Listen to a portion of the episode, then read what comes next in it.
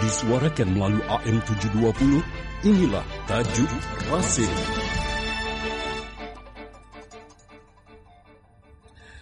Tajuk Radio Silaturahim edisi Senin 10 Syawal 1444 Hijriah.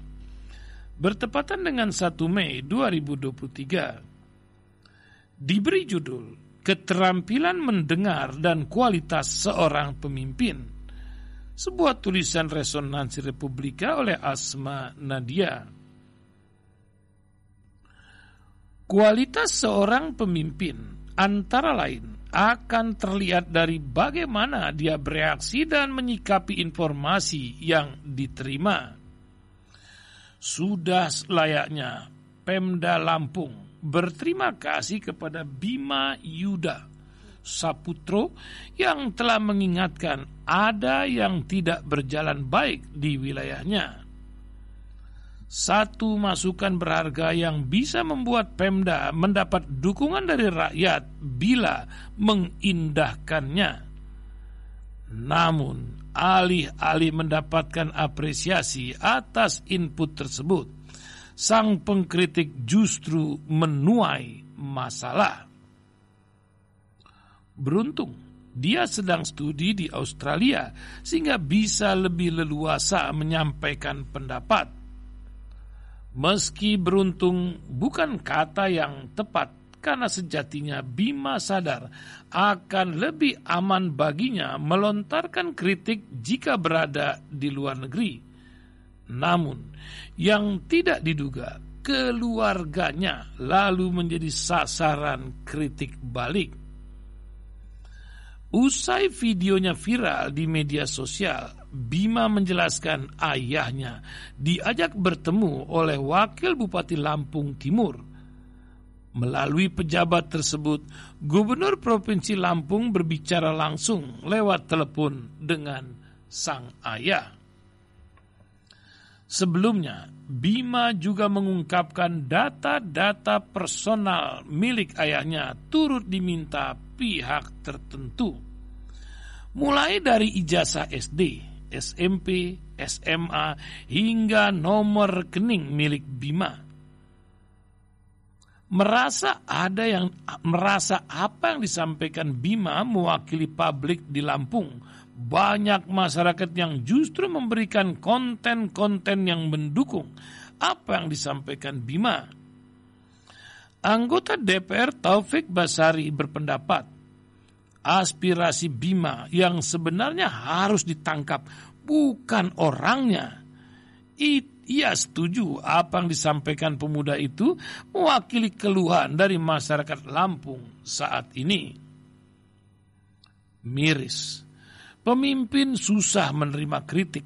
Padahal lebih dari 1400 tahun lalu kita sudah diajarkan untuk terbuka pada kritik.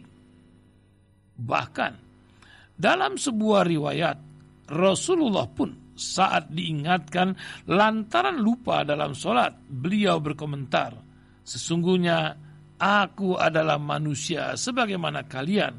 Aku bisa lupa sebagaimana kalian. Jika aku lupa, maka ingatkanlah. Demikian hadis riwayat Bukhari. Begitu banyak kisah yang menunjukkan betapa Rasulullah SAW sangat terbuka atas saran masukan dan kritik dari para sahabat. Dan sikap ini diteladani sahabatnya.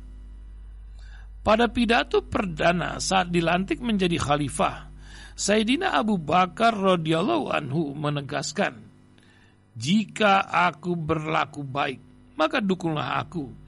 Jika aku berbuat buruk salah, maka luruskan aku. Beliau juga pernah membuat pernyataan di depan publik. Wahai rakyat, jika kalian melihat kebengkokan dalam diriku, maka luruskanlah. Kemudian berdirilah orang di depannya dengan tegas bertutur. Demi Allah, jika kami melihat kebengkokan pada dirimu, maka akan kami luruskan dengan pedang kami. Sayyidina Umar tidak marah, malah berkata, Segala puji bagi Allah, karena pada umat ini masih ada orang yang meluruskan Umar dengan pedangnya. Sifat anti kritik mengingatkan kita pada kisah tokoh sufi tabi'in Hasan al-Basri. Salah satu ulama terbesar di masa tabi'in. Suatu hari ia berjumpa seseorang pria yang berperilaku aneh di pekuburan Pria itu membongkar kuburan dan memeriksa tengkorak yang ditemukannya satu persatu, lalu menusukkan tongkat ke setiap lubang telinga tengkorak dari kuburan yang digalinya.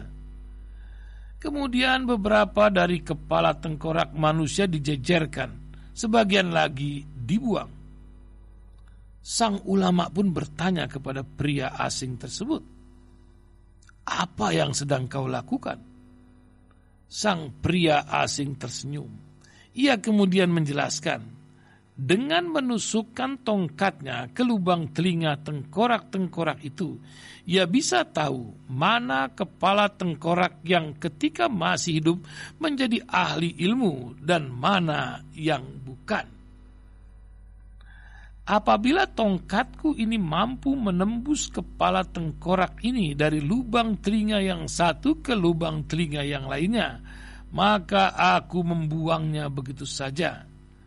Begitu pula, jika tongkatku ini tak mampu menembus salah satu dari lubang telinganya, aku membuang tengkorak jenis tersebut karena tengkorak tersebut merupakan milik orang-orang yang tidak mau mendengarkan ilmu atau nasihat yang benar.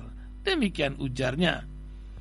Lalu bagaimana ciri-ciri telinga ahli ilmu yang mau mendengar tersebut?